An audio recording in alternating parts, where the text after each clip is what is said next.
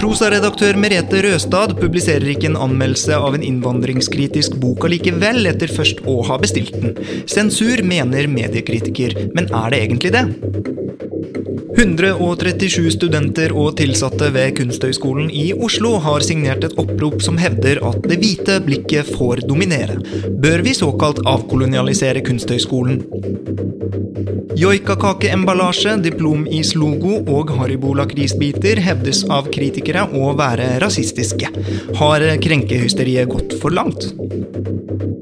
Folk som menstruerer. Jeg er sikker på at det pleide å være et ord for dem, skrev Harry Potter-forfatteren JK Rowling på Twitter. Siden har hun blitt utsatt for både kritikk og sjikane for å være transfobisk, men er det egentlig så galt å si? Mitt navn er Don By Choi, og du hører på Etikk og estetikk, en podkast fra Subjekt. Vi skal straks introdusere dagens panel, men først noen ord fra våre annonsører. Oslo Jazzfestival er rett rundt hjørnet og går av stabelen fra 12. til 16. august, med bl.a. Fie, Ellen Andrea Wang og Jon Balke og Kongelig Trio på programmet. Sjekk ut oslojazz.no for mer informasjon. Vil du og din institusjon være synlig der hvor publikum leter etter den beste kunsten og kulturen? Nå kan denne reklameplassen bli din. Ta kontakt med annonse at subjekt.no for en uforpliktende prat om hvordan du kan nå ut til et stort og kulturkonsumerende publikum. Etikk og estetikk er gitt ut med støtte fra Fritt Ord. Jeg heter Sofie Elise, og du hører på Etikk og estetikk, en podkast fra Subjekt.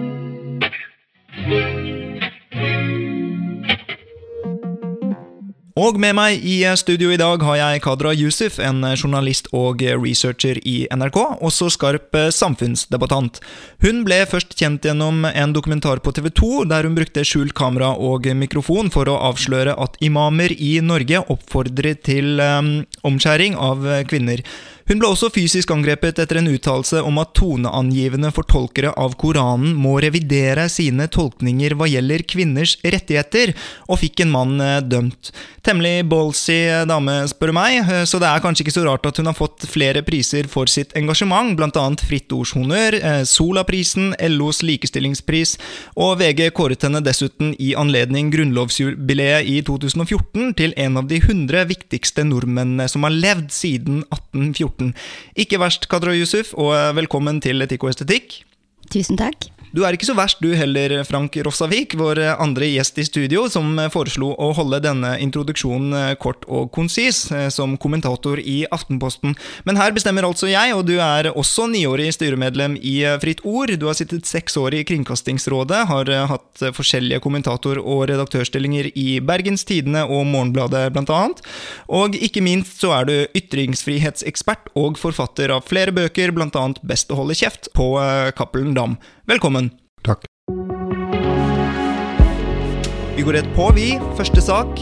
10.7 kunne Dag og Tid melde at tidsskriftet Prosa snudde på en beslutning om å publisere Morgenbladet-kritiker Per Eivind Hems anmeldelse av den innvandringskritiske boken Mot nasjonalt sammenbrudd.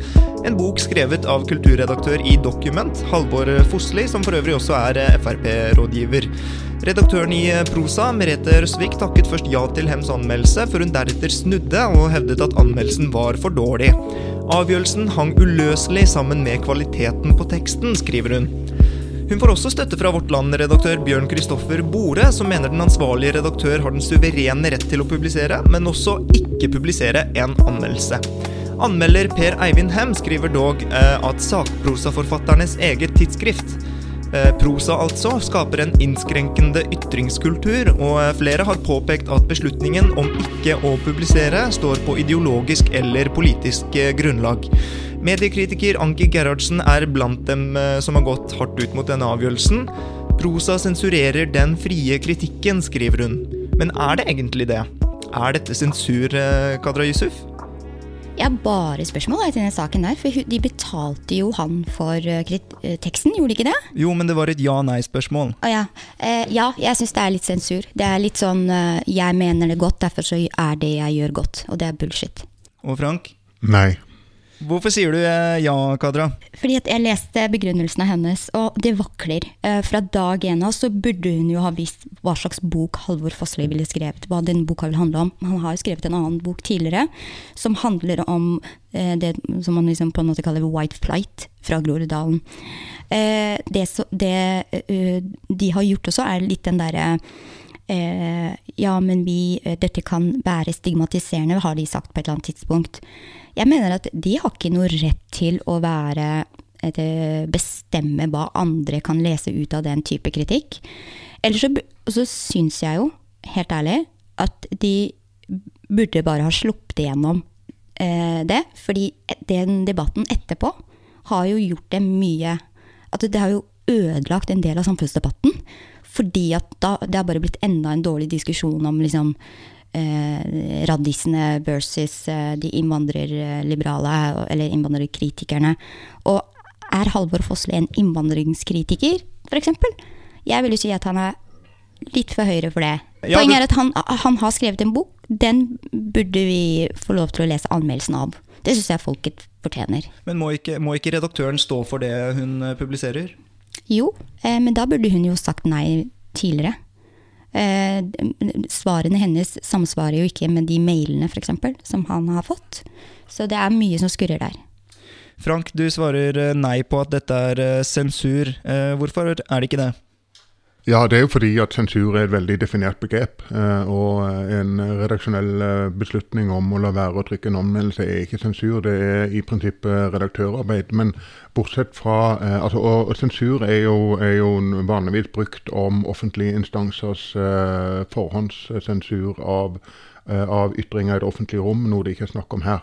Men ellers er jo jeg helt enig med Kadra Yusuf i stort sett alt hun sier om den uhyre klønete eh, fram, framgangsmåten fra Merete Røsvik, eh, som jo da først antok eh, eh, eh, anmeldelsen, roste den, og ville, og ville publisere den, før hun da plutselig, eh, eh, som hun selv skriver i et innlegg, eh, ikke ville publisere den fordi hun ikke ville bidra til off offentlighet omkring Halvor Fosslis bok. Og det var noe hun hadde eh, kommet til etter å ha lest en bok av Bjørn Sterk. Eh, så det er helt åpenbart en politisk beslutning, men det er ikke sensur i normal forstand. Jeg kan gjerne fortsette å si noe annet om dette. fordi eh, altså det som, eh, Jeg, jeg syns for så vidt at akkurat den diskusjonen var et, et, nesten et lyspunkt fordi Eh, fordi den fulgte ikke helt de vanlige skillelinjene. Altså Vanligvis når man har en, eh, en diskusjon i dette landskapet her, så, så, så faller den ene gjengen automatisk med 100% forutsigbarhet ned på den ene siden, og den andre gjengen faller med like 100 forutsigbarhet på den, eh, ned på den andre siden.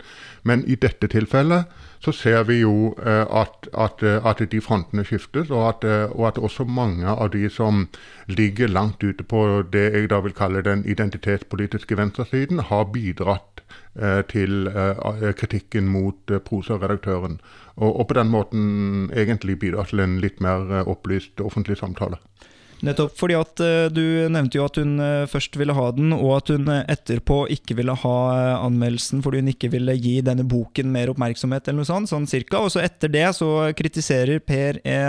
Hem, altså Røsvik, fordi at hun mener at anmeldelsen bare blir dårligere og dårligere for hver gang hun uttaler seg om saken. Men hvis man snakker om sensur i litt overført betydning, da, jeg skjønner at man ikke skal vanne ut ordene, og at sensur handler om myndighetenes inngrep i, eller eller forhåndsavklaring av trykte medier, eh, Frank, så eh, syns du Merete Røsvik gjør en eh, dårlig redaktørgjerning når hun velger å ikke publisere en slik anmeldelse? Ja, helt åpenbart. Eh, Det virker som om hun, eh, hun ikke har eh, forstått sin rolle og har vært veldig usikker i måten hun opptrer på. Men så, så skal man da igjen legge til at det er jo heller ikke enestående i norsk presse at man gjør feil og feilvurderinger og ombestemmer seg. Det, det, det, det skjer jo andre steder også. Så jeg tror jo at prosa fortsatt kan bli et, et godt tidsskrift under hennes ledelse, og at hun kan bli en utmerket redaktør. Men skal ikke en redaktør øhm, publisere etter sin egen overbevisning? Altså, hva, hvis hun faktisk, eh, av politiske og ideologiske grunner, ikke ønsker å publisere denne anmeldelsen?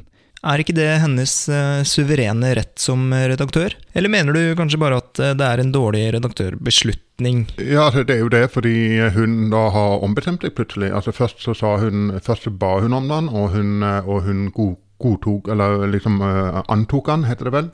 Og, og så vidt jeg forsto, så roste hun også eh, anmeldelsen. Og så plutselig så ombestemmer hun seg av uh, politiske grunner, uh, ganske åpenbart, som deretter blir til uh, påstander om dårlig kvalitet. Og, og, og, det siste er jo også veldig graverende, at hun, at hun da undergraver sin anmelder offentlig ved å påstå svak kvalitet, som hun ikke har Eh, så vidt jeg har forstått, eh, kommet med i den interne kommunikasjonen mellom de.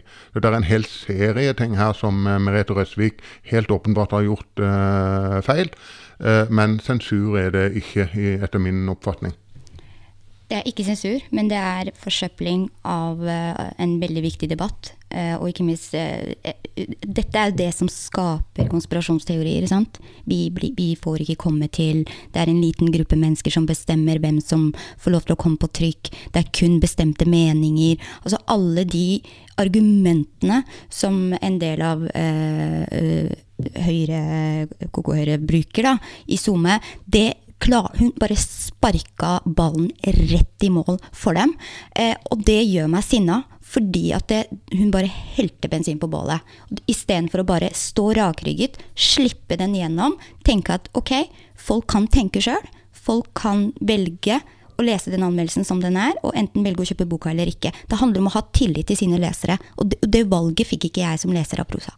Kadra, et litt eh, åpent spørsmål. Tror du den eh, nye mm, politiske korrektheten eh, og identitetspolitiske bevegelsen gjør det stadig vanskeligere for redaktører å ta modige redaktørbeslutninger? Altså at hun publiserer denne.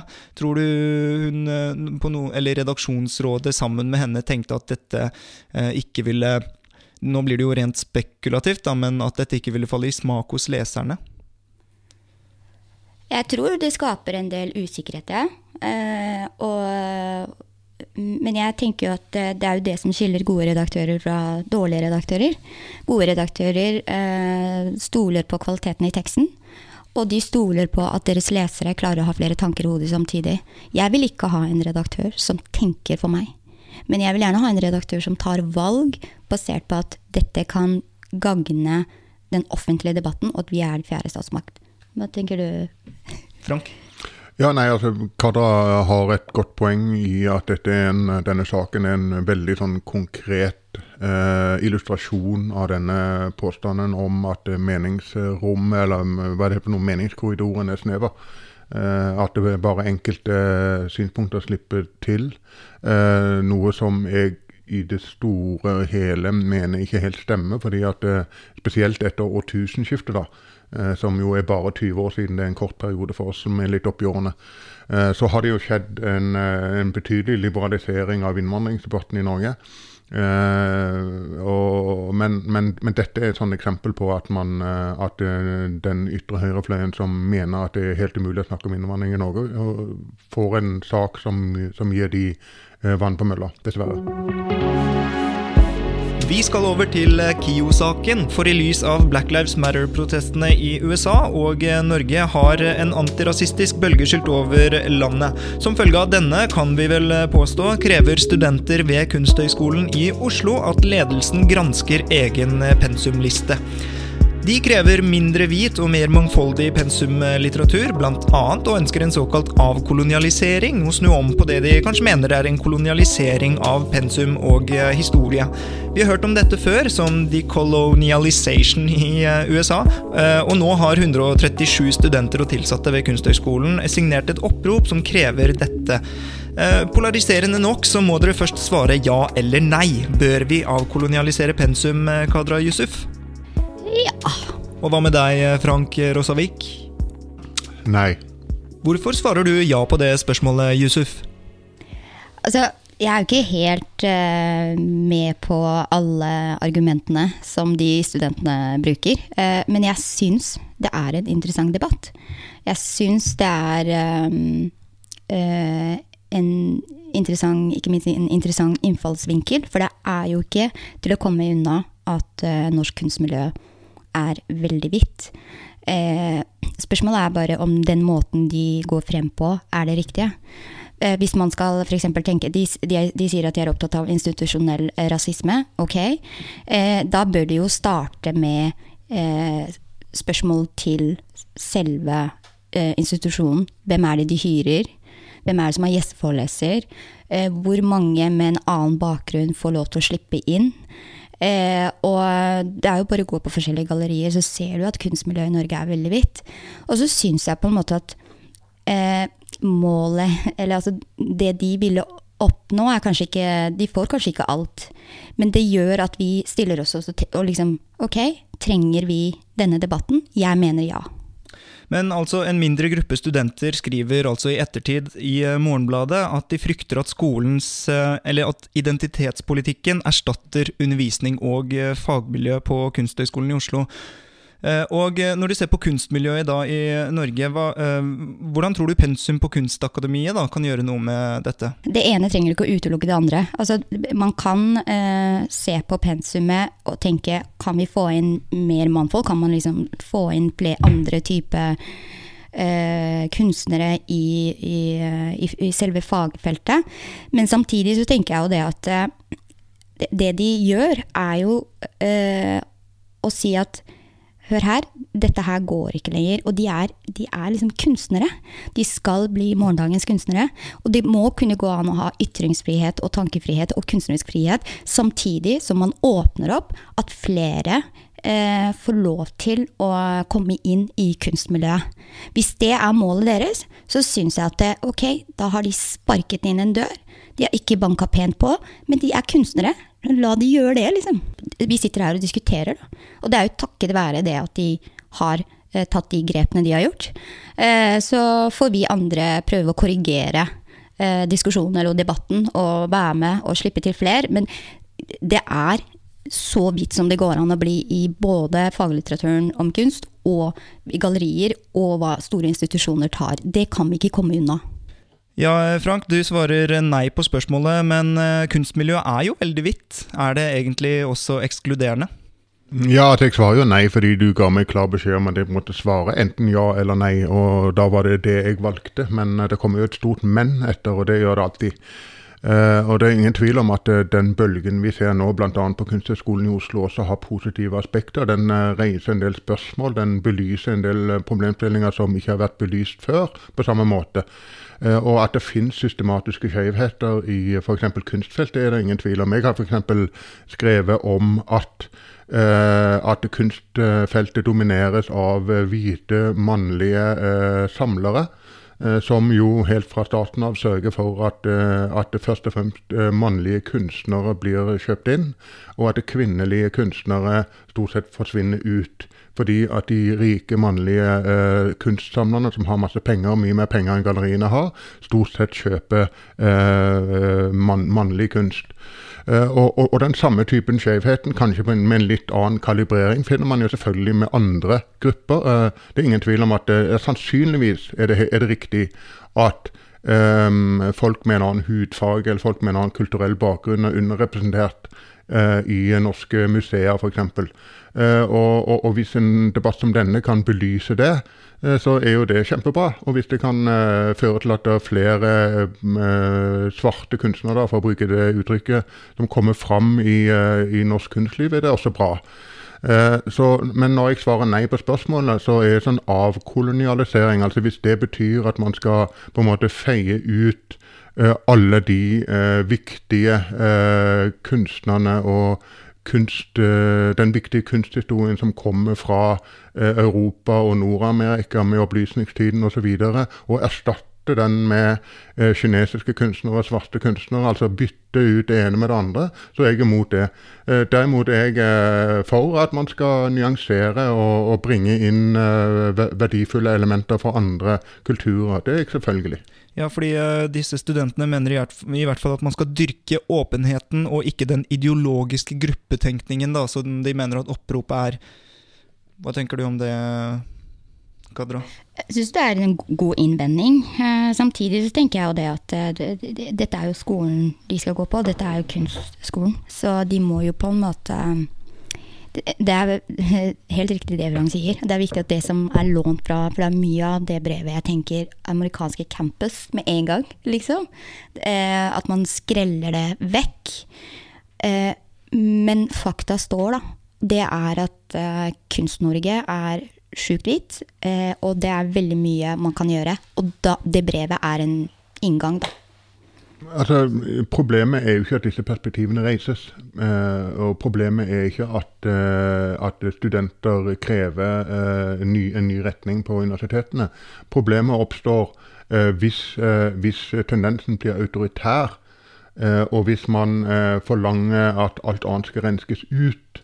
og den typen retorikk som, som brukes, da, da, oppstår problemene for meg. Ja, fordi at det er jo slik eh, denne saken blir problematisert av eh, i alle fall fem studenter ved Kunsthøgskolen i Oslo, som for øvrig også får støtte av professor i kultur- og religionshistorie ved Oslo OsloMet, Torkel Brekke, som mener at en antirasisme som forakter meningsmangfold og åpen debatt, er en betydelig trussel mot akademisk frihet. Er dette ikke alvorlig nok, eller autoritært nok, Frank Rossavik? Jo, men altså, Det er jo det det er, og det er derfor jeg eh, så ofte har skrevet eh, kritiske artikler om den identitetspolitiske bevegelsen, hvis man kan kalle den det, og måten den har utvikla seg på i det siste. Eh, identitetspolitikk er jo et gammelt fenomen, og, og, jeg kan jo leve et fritt liv delvis pga. identitetspolitikk. Men, eh, men eh, hvis man først skal snakke om identitetspolitikk, hva det er, så kunne vi gjort det.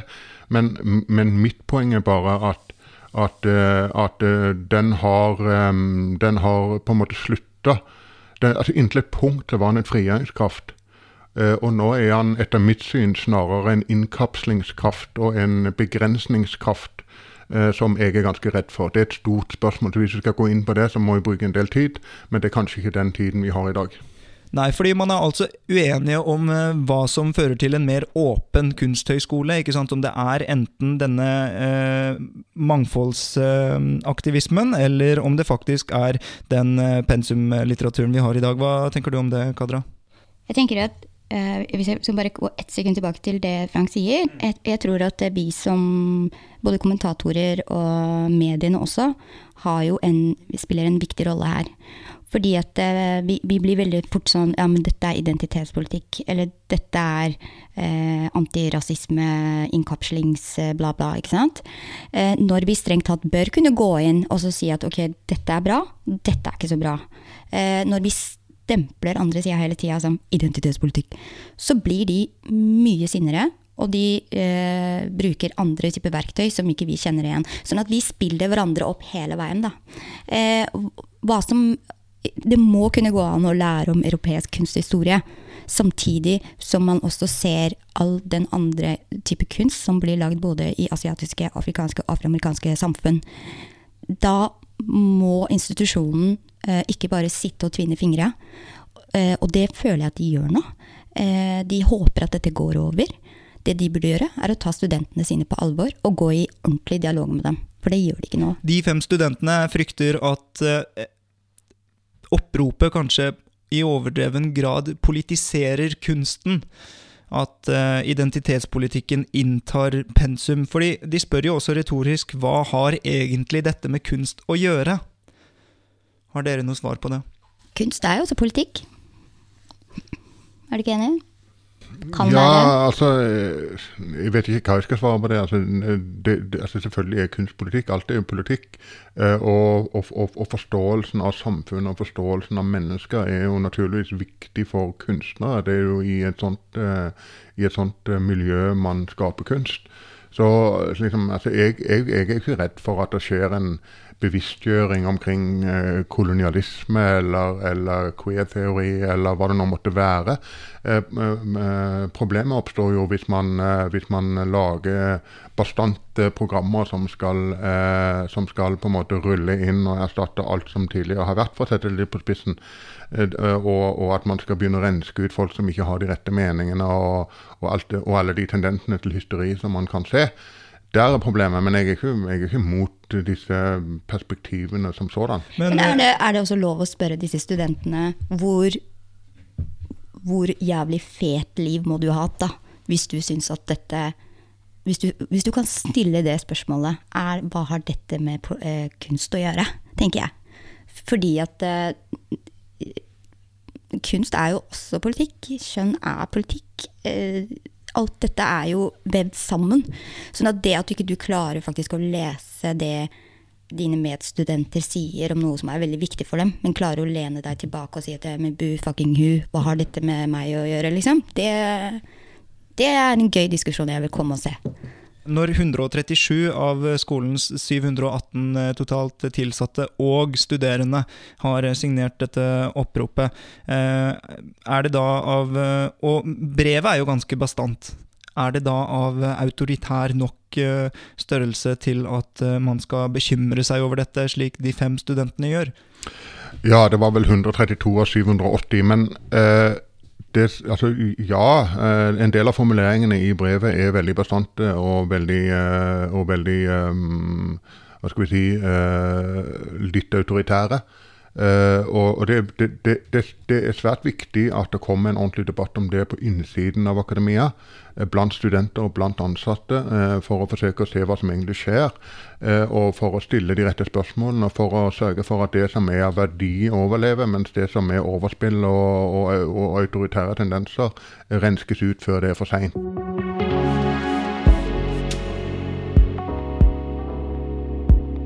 Joikakakeemballasje, diplomis-logo og Haribo-godterier har alle vært i eh, hardt vær for å være rasistiske det siste året. Man burde ikke spise andre mennesker, sier bl.a. Gro Ven til Aftenposten. Hun er førsteamanuensis på Kulturhistorisk museum ved Universitetet i Oslo, og sammenligner lakrisen med raseforskning. Haribos lakrisbiter kommer i seks ulike fjes, som hvert som hver og en av dem representerer én etnisitet. De var langt mer aggressive før, men har blitt moderert i eh, karikeringen. Disse logoene stammer fra en tid da vi satt dypt nede i koloniale strukturer, og dessverre er det til dels unaturliggjort i dag, sier hun. Hva synes dere, har eh, krenkehysteriet gått for langt, Kadra Yusuf? Ja, altså på vei hit så spiste jeg Tom og Jerry-kjeks, så det er ikke helt det samme, men Frank? Ja, ja. Dere ler. Hvorfor Ja. det? Dette er sånn åh, Det er sånn debatt som eh, Sånne debatter gjør hverdagen vanskeligere for alle som ser annerledes ut. Altså, hvis du er eh, Det det er liksom det samme som den Pippi Når man begynte å ta ut ting fra Pippi-bøker i Sverige og sånn. Så var det en sånn liten hvit elite som bestemte det. Hvem er det som får høre 'Å, dere er så krønka, dere, å, dere tåler ikke høre det', dere, bla, bla. Det er jo sånne som ser ut som meg. Sånn at vær så snill, eh, flinke kvinnelige og mannlige akademikere, dere som mener det godt, slapp av. Jeg mener det, For det, dette her er en ikke-debatt. Det som er en debatt derimot, er at f.eks. at veldig mange mennesker som eh, er i møte med, med offentlige Norge, kjenner på eh, en form for eh, at ikke de får en reell mulighet, da. Eh, eller at folk ikke kommer på jobbintervju fordi de heter Yusuf eller Hassan til etternavn. Det kan jeg gjerne være med å diskutere, men figurer på en jævla godteripose, spar meg. Ja, folk eh, er altså krenka på andres vegne, kanskje. Eh, Andregradskrenka, som Thomas Seltzer pleier å si. Nettopp. Frank Rosavik, du svarer også nei, men altså, det er jo eh, seks veldig karikerende figurer av eh, av eh, altså det Haribo mener er eh, hvordan etnisiteter eh, ser ut. Er det ikke mulig å sette seg inn i situasjonen deres og kanskje føle seg litt generalisert? Ja, altså nå, nå kan jo den uh, veldig rare situasjonen oppstå at jeg er mer kritisk til dette enn uh, Kadra. Men, men uh, altså, jeg, jeg syns jo at uh, f.eks. den reaksjonen som har vært mot joikakaker, er forståelig. Eh, og at det er smart at eh, produsenten eh, endrer. Og jeg, jeg skjønner jo at at den typen lakrisfigurer kan oppfattes som, som krenkende for noen. Uh, men jeg, jeg, er jo, jeg er jo samtidig uh, opptatt av at uh, folk med fordel kan ha litt lavere skuldre i møte med alle mulige ting ute i samfunnet, og ikke rope rasisme om alt. Eh, og, og jeg tror at Karda har et veldig godt poeng i at det å eh, gjør veldig mye ut av denne typen saker, som til dels er rene bagateller, eh, gjør mer vondt enn godt fordi det er ment å være godt for, altså eh, for, eh, nemlig minoriteter. Eh, fordi eh, det er jo ikke altså, det, det, er jo de som eh, blir anklaga for å være krenk, altså, hårsåre og rope opp om krenkelser. Mens, mens det som, som, som regel er det jo ikke minoritetene, eller ofte iallfall, så er det ikke minoritetene som roper opp om slike saker. Men det er altså velmenende akademikere som har altfor god tid til å henge deg opp i alt, i alt mulig. Og, og, og, som noen ganger kan ha et poeng. og liksom i Akkurat i dette tilfellet så syns jeg nok at det er et poeng å reagere mot, uh, mot noe av dette. Men, men, det går for langt. Det, er det jo ingen tvil om. Likevel så har altså Diplomis eh, nå vurdert å endre navn eh, på den velkjente Nei, eller endre den velkjente Inuitt-logoen fra 1930-tallet. Det skriver NRK. Og eh, etter at debatten har rast om joikakakene, så har Nortura eh, varslet at de vil endre den 60 år gamle illustrasjonen som eh, med en samisk eh, gutt på emballasjen. Kadra, hvis vi ser på det sånn da, at nå er det besluttet at de skal endres, vil vil du at de skal snu? Nei, vet du hva. Altså, igjen, altså, for å liksom kunne irritere deg over de lakrisene og de boksene der, så må du være så jævlig på toppen av næringskjeden at det kunne ikke vært eh, halvparten engang. Men de må gjerne gjøre det, altså. Men når de har gjort det, let's move on. Men hva er neste, da? Ikke sant? For vi, vi kan holde på sånn. Verden har vært sånn lenge at uh, man har karikert hverandre, liksom. Sånn at vi kan Alt må ikke bli en sånn krenkorama, da. Det er bare superslitsomt, og det tar seriøst eh, vekk Altså, det tar fokuset vekk fra ordentlig viktige samfunnsproblemer som folk sliter med hver eneste dag. Men uh, du snakket om hva er det neste om man skal begynne å sant, endre på disse lakrisbitene og på inuittlogoen til uh, uh, Diplomis osv. Og, så og det, jeg har litt lyst til å spørre, hvis vi nå endrer uh, disse lakrisbitene, hva vil dere endre disse bitene til? Ja, vi kan jo endre det til Disney-figurer, er det ok, liksom? Hva med biler, eller hva med norske skiløpere? Blomst, blomster, kanskje. Jeg tror Disney-figurer eh, også fort går ut på dato. Eh, Aladdin og eh, Mulan og alle de har jo blitt kritisert til helvete, helvete, de også. Pocahontas bi og sånn. Biler, biler, går bra. Ja, men, men og, Norske skiløpere. De er jo så ingen, De klarer ikke å provosere noen. Kunstredaktøren i, i, Subjekt har foreslått diktatorer, for de kan man spise. Og for øvrig også signalbygg. Hva tenker du om det, Frank? Signalbygg? Det har du jo meninger om. Signalbygg som lakrisbiter. Det er gjerne for meg. Jeg, jeg er ikke så glad i lakris, så det angår meg på en måte ikke. Oslo Jazzfestival er rett rundt hjørnet og går av stabelen fra 12. til 16. august med bl.a. Fie, Ellen Andrea Wang og Jon Balke og Kongelig Trio på programmet. Sjekk ut oslojazz.no for mer informasjon. Vil du og din institusjon være synlig der hvor publikum leter etter den beste kunsten og kulturen? Nå kan denne reklameplassen bli din. Ta kontakt med annonse at subjekt.no for en uforpliktende prat om hvordan du kan nå ut til et stort og kulturkonsumerende publikum. Etikk og estetikk er gitt ut med støtte fra Fritt Ord. Du hører på Etikk og vi skal over til uh, Rolling-saken. Oh. Ja, altså, altså, Da jeg foreslo denne, dette temaet for dere, så ville begge faktisk unngå denne debatten. Og uh, ja, er ikke det en litt sånn hvor, Hvorfor vil man ikke snakke om denne saken? Det er jo en sånn Det er, ja, det er en vanskelig debatt, da. Syns jeg. Jeg syns det. Vi får eh, oppsummere den. Harry Potter-forfatter er i hardt vær igjen etter, at, eh, etter å ha uttrykket sine meninger knyttet til kjønns- og kjønnsforståelse. I desember uttrykte hun sin støtte til Maya Forstater, som eh, mistet jobben etter å ha lagt ut kommentarer på sosiale medier om transkjønnede. Kle deg som du vil, og kall deg selv for hva du vil. Ligg med hvem du vil, så lenge de, de vil ha deg. Lev livet i fred og eh, fordragelighet, men å tvinge kvinner ut av jobbene deres for å mene at biologisk kjønn er legitimt, spurte JK Rowling retorisk. Forfatteren støttet altså for Forstøyter sin forståelse av kjønn som noe binært, eh, noe mange mener er transfobisk. Denne gangen får Harry Potter-forfatteren kritikk for å gjøre narr av formuleringen 'menstruerende mennesker'. Dette var altså skrevet i en avis eh, som ikke ville nevne et kjønn.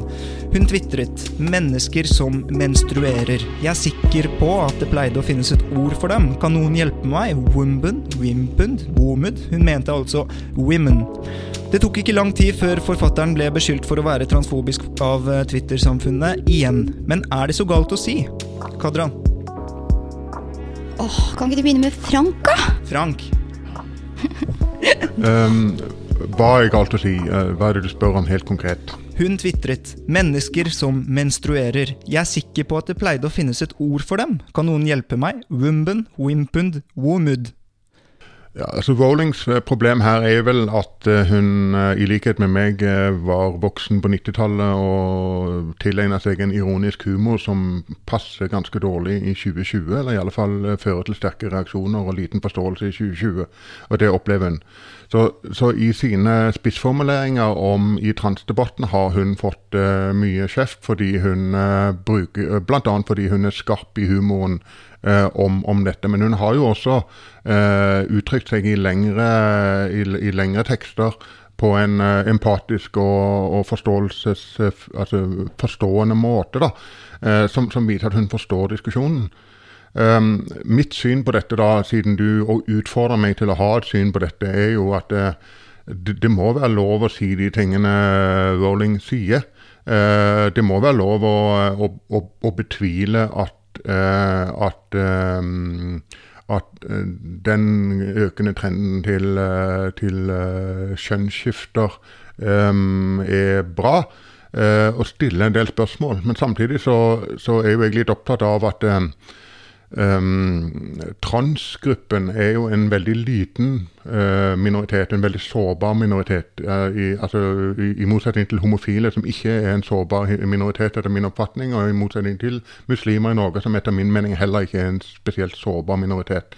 Men, men transgruppen er jo en bitte liten og sårbar minoritet som, som uh, nesten ikke har støttespillere noe sted, og som, føl som føler seg bokstavelig talt utsatt for eh, mye hets i mange forskjellige kanaler. Eh, og, og, og, sånn, sånn, at eh, jeg, jeg, forstår jo at det kommer reaksjoner når en så mektig person som Rowling eh, bruker sin, eh, sin, makt i ulike medier til å eh, gå løs på de. Men Maya Maja Forsteter var altså en som eh, mistet jobben sin etter å ha uttalt seg eh, transkritisk på, på sosiale medier, og en veldig kjent og omstridt debattant, som for øvrig også har publisert i Subjekt om dette temaet, heter Tonje Gjevjon. Hun mener at JK Rowlings uttalelser om transpersoner er basert på noe alle vet, men som er politisk ukorrekt å si. Mens en transmann da svarer at nei, det er ren transfobi. Så er det transfobisk å påpeke at kjønn er binært? Altså En, for, en fobi er jo en sykelig, uh, sykelig angst. Uh, og jeg vet ikke om det er en sykelig angst. Uh, men Å stille spørsmål og, skal det alltid være greit. Unnskyld? Nei, sorry. Nei, nei, men bare snakk du. Nei, fordi det var jo før, sånn før i tida at man ble jo kalt for islamofobi. At man led av islamofobi hvis man stilte spørsmål og stein med visse deler av islam. Og det samme er det vel kanskje, da. Som Brang sier, at det er en ja, altså det, det fins jo, uh, det finnes jo islamofobi, fordi det er jo helt åpenbart at det er enkelte som er helt sykelig uh, redd for alle mulige sider ved islam, også sider som det er helt uh, tullete å frykte. men man kan ikke bruke islamofob om enhver islamkritiker som ligger litt ut på fløyen. da. Og det kan overføres til denne transdebatten, kanskje? Ja, jeg syns absolutt det. Og jeg tenker at, eh, men man må jo også spørre seg hva var det JK Rowling ville med den tweeten, da? Hva, hva, hva, var det hun ville oppnå? Var det en offentlig debatt, eller var det bare for å liksom ha-ha-ha? Ikke sant? Eh, og hva, er hennes opplevelser i dag? Var det liksom, var det noe Var det fruktbart? Ble det en bra diskusjon ut av det? Mange vil jo si nei. Så jeg, jeg syns det var eh, litt sånn klumsete av henne da, til å være så mektig som det hun er. Og så syns jeg at hun skulle ha lyttet til alle de som prøver å liksom si at hør her, det du gjør her er feil. Eh, og så syns jeg, og det siste er vi har en sånn utrolig konservativ måte å tenke på kjønn. Det, er, det har det alltid vært, og det er i hvert fall i det miljøet jeg vokste opp i. Det er sånn mann, kvinne, det fins sånne typer menn, sånne typer kvinner. Og eh, transmiljøet tror jeg utfordrer oss på hva er kjønn, ikke sant? Hva er eh, hvordan det kan oppleves, og hvordan man føler seg. Og jeg tenker at vi, vi må ha rom for den diskusjonen. Og vi må anerkjenne at kjønn er makt. Og det betyr da altså å på en måte la, lytte til de da. La de komme til orde, la de få lov til å definere sin hverdag og sin virkelighet og, og sin kropp. Det er, det, det er neste. Det jeg tror hun og eh, mange transkritiske eh, eh, debattanter mener. Nå eh, skal jeg også komme med en presseetisk fotnote her, fordi jeg har engasjert meg i debatten, så noen vet at jeg modererer med et standpunkt fra før av, men jeg skal prøve å ikke la det overstyre. Uansett så tror jeg mange altså reagerer på at avisen, eller JK Rowling, reagerer på at avisen altså ikke definerer eh, denne personen som en kvinne. Eh, og for å være så politisk korrekt som mulig, så kaller avisen vedkommende for en, et menneske som menstruerer. Og det er det JK Rowling altså reagerer på, og da lurer man kanskje på om transaktivismens forståelse av kjønn eh, strekker til utenfor sine egne kropper, ikke sant, og i avisene. Og da, men, da er det jo kanskje en debatt av hvordan man skal omtale kvinner, fordi at JK Rowling mener jo annet at kvinner mister rettigheter eh, i transkampen. Det er bullshit. Vi mister ikke flere kvinner, eller vi mister ikke definisjonsmakt over kvinner og kvinners liv ved å slippe til flere. Det gjør vi ikke. Det syns jeg er litt ja. Hva tenker du, eh, Frank? Ville du brukt eh, begrepet mennesker som menstruerer?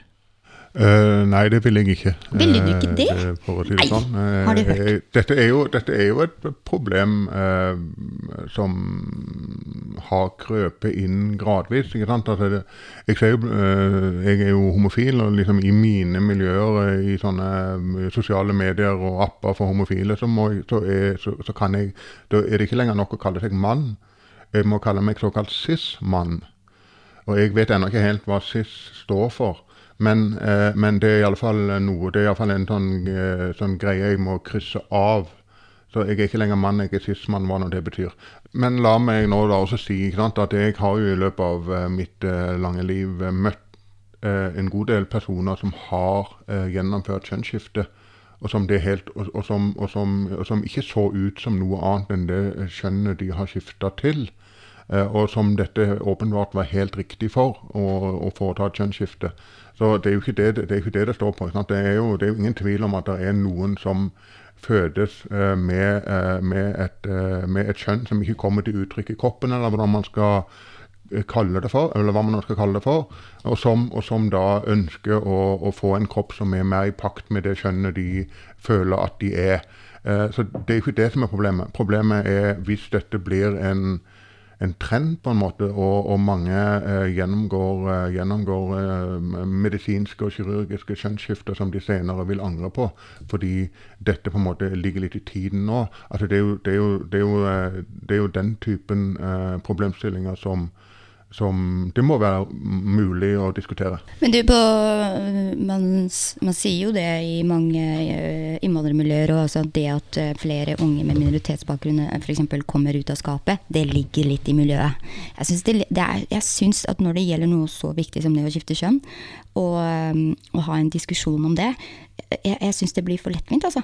Jeg, jeg, jeg tror det er store diskusjoner eh, og personlige oppfor... Altså at man ofrer opp, eh, veldig mye. Men det betyr ikke at vi ikke kan ha en systematisk kritikk av helsevesenet og måten de møter dette på. Men, men jeg syns vi skal være litt forsiktige med å liksom ikke kalle det for en trend. Ja, ja det, det kan godt være. Jeg skal være forsiktig med det. Eh, det jeg, jeg, jeg, eh, jeg har inntrykk av at det er blitt mye mer vanlig enn det var tidligere.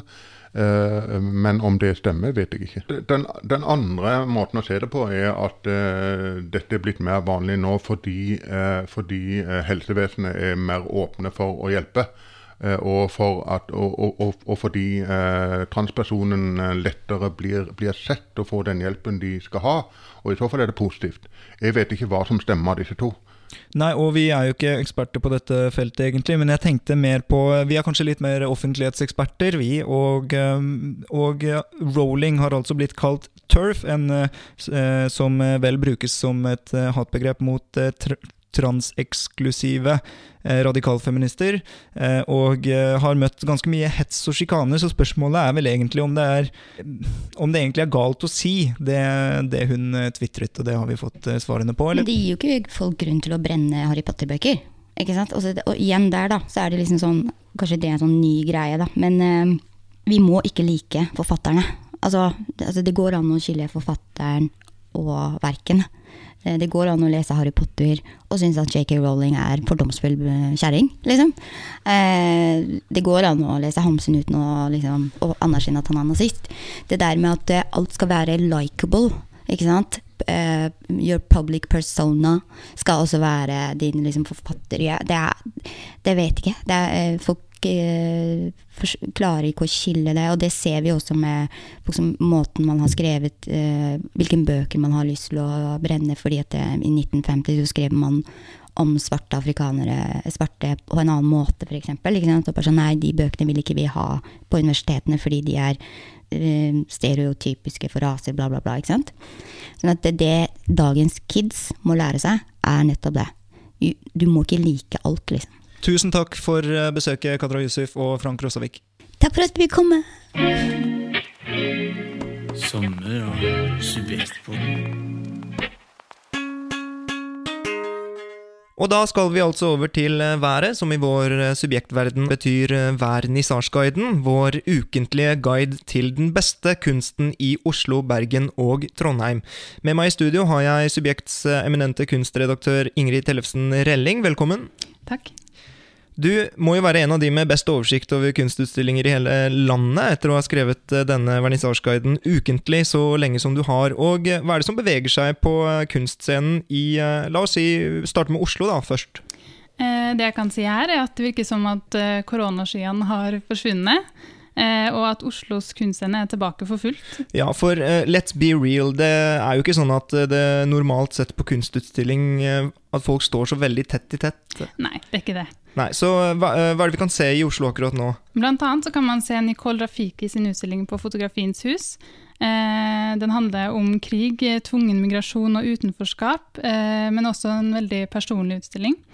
Eh, på Bærum kunsthall så åpna også en veldig spennende gruppeutstilling med tittelen 'Om å bøye virkeligheten', eh, som kort fortalt handler om at man skal legge merke til det man ellers overser.